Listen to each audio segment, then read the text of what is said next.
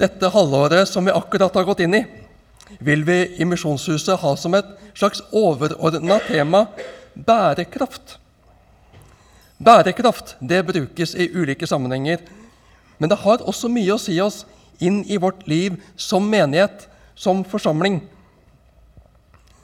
Vi ønsker å fornye huset vårt, pusse opp, bygge om, bygge ut, kanskje til og med en hel ny lokasjon. Har vi bærekraft til et så stort løft på mange millioner kroner? Vi driver masse flott arbeid i og ut fra Misjonshuset. Og det kommer rett som det er innspill på ting som vi absolutt burde hatt fokus på. Men har vi bærekraft til det? Har vi ledere? Har vi frivillige som har brann og kapasitet til å gå inn i det? Iblant så får jeg høre om folk som blir slitne etter å ha stått i en tjeneste en stund. Noen blir sykemeldt. En orker ikke mer. En har ikke krefter til alt en vil, bør, må og skal. Det er ikke bærekraft til alt dette. En trenger en timeout. Jeg har selv hatt noen slike. En trenger å rydde i systemet slik at det blir balanse mellom energi inn og energi ut. Om en ikke tar ryddejobben, så går en lett på en ny smell. I alt engasjementet vårt, i alt vi vil, så er jeg redd for at vi kan fristes til å være et aktivitetsfellesskap. Et fellesskap som stadig skal få til mer, produsere mer, ha mer og mer arbeid for flere og flere. Og det kan det godt hende at de skal. For vi ønsker jo å vokse. Vi ønsker at folk skal bli frelst og bli en del av det kristne fellesskapet. Men det er viktig hvor vi starter. Det er viktig hva som driver oss. Det er viktig å ha bærekraft. Vi skal ikke slite ut folk. Vi skal nære og styrke og ruste hverandre for livet i den verden vi er en del av til å leve som åpne, tilgjengelige kristne i hverdagens liv, med sine oppturer og nedturer. Være fellesskap som ser hverandre, tar oss av hverandre, deler liv med og ber for hverandre. Hjelpe hverandre å avsløre og koble av hva som gir høye skuldre og tapper en for krefter. Og koble på det som gir trygghet til at jeg kan være meg og hvile i den jeg er, og blomstre. Et nådefellesskap. Jesus kaller oss ikke til et liv som handler om å henge i stroppen for å få mest mulig gjort på kortest mulig tid. Han kaller oss heller ikke til å bygge store, flotte menigheter i og for seg, men til etterfølgelse av ham. Til å ligne ham, til å leve Jesuslivet i den tid og i det samfunn vi har fått vår levetid på denne jord, til vi en dag skal hentes hjem til vår himmelske Far. Og jeg tror det er et godt innsteg til de Jesu ord som vi skal dele sammen nå fra Matteusevangeliet kapittel 7, vers 15-20. Vi står når vi lytter til evangeliet. Ta dere i vare for de falske profetene. De kommer til dere i saueham, men innvendig er de glupske ulver. På fruktene skal dere kjenne dem. Plukker man druer av tornebusker eller fiken av tisler? Et godt tre bærer god frukt. Et dårlig tre bærer dårlig frukt. Et godt tre kan ikke gi dårlig frukt, og et dårlig tre kan ikke gi god frukt. Hvert tre som ikke bærer god frukt, blir hugget ned og kastet på ilden. Derfor skal, dere, derfor skal dere kjenne dem på fruktene. Slik lyder Herrens ord. Vær så god, sitt.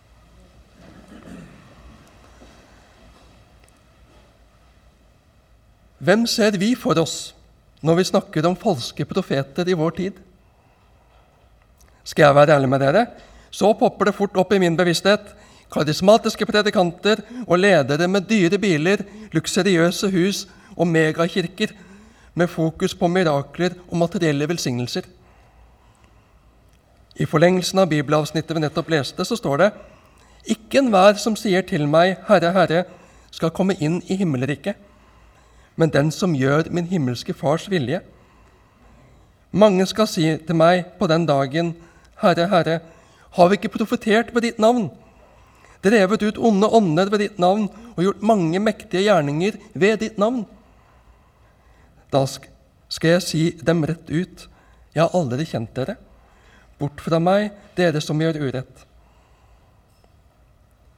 De neste som kommer raskt opp i min tanke, er liberale teologer, prester og biskoper som ikke holder fast på Bibelens lære, men dilter etter flertallsmeningene i samfunnet. I det siste avsnittet er det som vi kaller bergprekenen, som vi har lest fra i dag, så sier Jesus Vær den som hører disse mine ord og gjør det de sier, ligner en klok mann som bygde huset sitt på fjell. Regnet styrtet, elvene flommet, og vindene blåste og slo mot huset, men det falt ikke, for det var bygd på fjell. Og hver den som hører disse mine ord og ikke gjør det de sier, ligner en uforstandig mann som bygde huset sitt på sand. Regnet styrtet, elvene flommet, og vindene blåste og slo mot huset. Da falt det, og fallet var stort. Vi kan se for oss ulike falske profeter. Vi kan danne oss bilder av dem og advare mot dem. Men er dette riktig måte å lytte til Jesu ord? Vi skal ikke la Guds ord først og fremst ramme dem, sette dem på plass, men vi skal la Guds ord ramme oss, ramme meg selv, til omvendelse og nytt liv. Hva er det Jesus sier? Ta dere i vare for de falske profetene. De kommer til dere i saueham, men innvendig er de glupske ulver. På fruktene skal dere kjenne dem. Plukker man druer av tornebusker eller fiken av tisler? Et godt tre bærer god frukt, et dårlig tre bærer dårlig frukt. Jeg må flire når jeg tenker tilbake på min egen stil som tenåring. Langt, krøllete, permanent hår. Mr. Skip ble det naturlige kallenavnet blant yngre tenåringer på bedehuset hjemme. Sauehammen var i hvert fall i orden. Men hvordan var det med innsida? Det er lett å vende blikket utover, på de andre. Se vaktsomt på de andre. Vi skal være våkne. Vi skal ta oss i vare for hva som påvirker oss utenfra. Men jeg kjenner også på krefter inni meg. Ulven i meg. Selvfølgelig så vil jeg gi et godt inntrykk utad. Jeg vil jo at folk skal like meg. Jeg vil være snill, jeg vil være hjelpsom og imøtekommende. Men jeg kjenner stadig på fristelsen til å slippe en kommentar som ikke er udelt fordelaktig om andre. Ikke for å baktale, altså, men det er jo greit at du vet om. Og ved det så setter jeg en annen i et litt dårligere lys. Hvor kommer det fra? Ikke fra Gud. Hva slags frukt bærer det? Ingen god frukt, verken for meg eller for vedkommende eller tilhøreren. Ta dere i vare for de falske profetene, ja visst, men ikke minst de krefter i meg som vil være den strålende profeten. Han som folk liker, han som folk ser opp til, han som folk beundret for sin fromhet og sitt gode liv. Det er ikke behagelig å sette det lyset på seg sjøl. Og det er heller ikke veldig fruktbart hvis jeg stopper der. Erkjennelse av hva som bor i meg, er vesentlig. Men hva jeg gjør med det, er helt avgjørende. For meg så var det viktig å ha med synsbekjennelsen i starten av gudstjenesten. Jeg trenger den. Både tankene, ordene og gjerningene, ja, ikke minst lysten, avslører hva som virkelig bor i meg. Og Jesus er skremmende tydelig. Et godt tre bærer god frukt, og et dårlig tre bærer dårlig frukt. Og dette bruker Jesus som bilder på mennesker. Vi har ikke lov til å snakke sånn i dag, men ifølge Jesus så rår det en absolutt forskjell mellom gode og dårlige mennesker. Hver den av oss som har båret én dårlig frukt i livet, må nå innse at Jesus sier, 'Du er et dårlig tre'. Derfor begynner kretsen av kandidater til betegnelsen falsk profet å bli skremmende stor blant oss. Om sauehammen har falt av, så er hjertet det samme. Jesus sier i realiteten at den farligste falske profeten i kristenheten har hver av oss i vårt eget bryst. Ifølge dette verset så må vi konkludere med at det bare finnes ett menneske i hele verden som med rette kan kalles et godt menneske Herren Jesus selv. Selv Paulus i sitt brev til menigheten i Galatia ber dem om å være våkne, også for hva han selv kan komme til å si og lære dem når han skriver Det undrer meg at dere så raskt vender dere bort fra ham som har kalt dere ved Kristi nåde, og til et annet evangelium, men det finnes ikke noe annet. Det er bare noen som forvirrer dere og vil forvrenge Kristi evangelium. Men om vi selv, ja, om en engel fra himmelen skulle forkynne dere et annet evangelium enn det vi forkynte dere, forbannet være han. De falske profeter som vi skal være våkne for, er ikke først og fremst der ute, men her inne. Vi frister stadig til å helliggjøre den arbeidsmetoden som gjorde at jeg selv en gang kom med eller ble bevart i troen. Eller den nye trenden som vi bare må ta inn om de unge skal bli med oss. Vi fristes til å opphøye en viss sang- og musikkstil. En måte å komme sammen på som den gode og rette. Og vi kan bruke et åndelig språk på det for å overbevise om vår rett.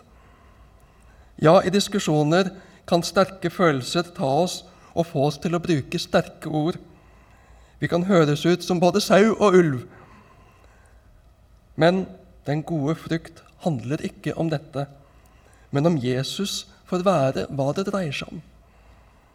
At Jesus får slippe til å gjøre sin gjerning. At Jesus får avsløre oss som mennesker som ikke kan frelse oss selv, men som trenger ham. Kristus korsfestet til soning for våre synder. Får mennesker oppdage Jesus, hvem han er, at de trenger ham og blir ført inn i et liv i etterfølgelse av ham. Det er den gode frukt. Og det er bare Gud selv som kan virke den.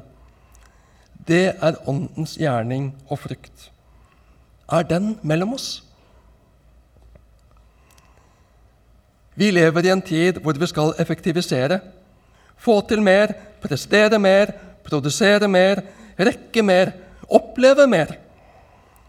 Og vi har alltid rett foran oss på de ulike skjermer, i de ulike apper, så fantastisk mange å sammenligne oss med. Men hva slags frukt bærer det? Vi blir slitne. Vi blir motløse og frustrerte. Noen har flyttet og engasjert seg i andre menigheter. Gud velsigne dem der.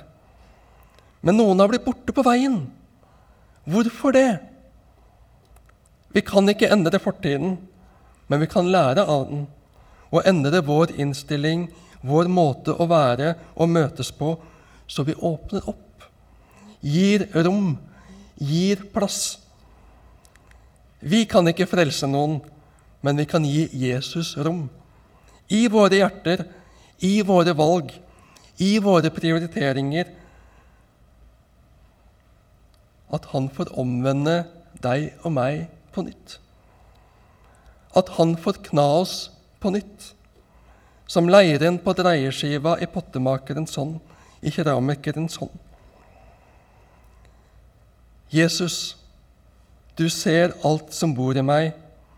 Du ser alle villskudd i meg. Beskjær meg. Form meg. Rens meg. Gjør med meg det du ser trengs. Gjør meg ny.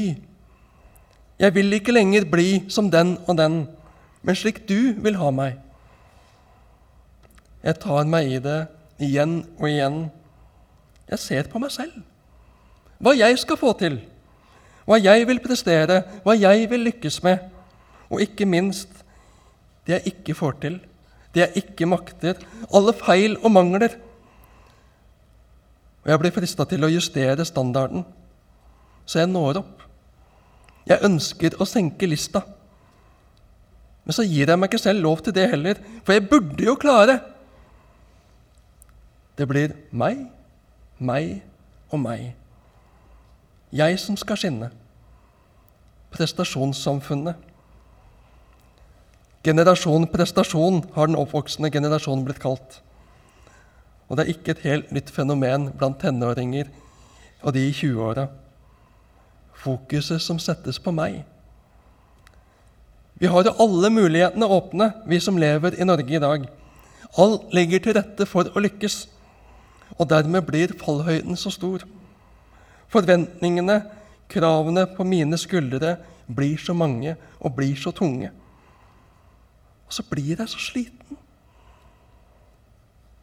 Jeg har lyst til å si til deg i dag, og jeg innser at jeg trenger å minne meg sjøl på det Din verdi handler ikke om hva du får til. Slutt å måle deg sjøl etter hva du får til. Du kaller deg kristen, gjør du ikke? La oss gå back to basic. Hva betyr det å være en kristen? Betyr det å være lik alle andre? Betyr det å følge samme trender og tankemønstre og verdier som alle andre? Nei, det betyr å følge Jesus. Det betyr at hans ord, hans vilje, hans fokus er det som betyr noe. Hva sier Jesus til deg i dag? Kom til meg og hvil deg litt.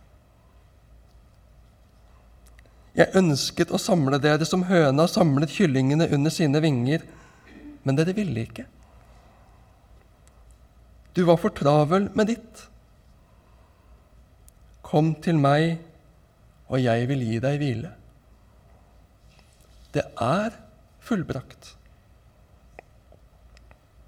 Jeg har gjort det for deg, for at du skal slippe å streve, for at du skal slippe og kave for å være god nok. Jeg elsker deg uten sminke. Jeg elsker deg uten den flotte fasaden. Uten prestasjonene, uten en imponerende CV og fyldig bankkonto. Jeg elsker deg tusen ganger høyere enn du elsker ditt nyfødte barn, barnebarn eller oldebarn, som ikke har prestert noe, men som bare er. Jeg vil at du skal bare være hos meg. At vi skal være sammen. At du skal lytte til meg. Ha tid til meg. La meg få ta meg av deg. La oss be.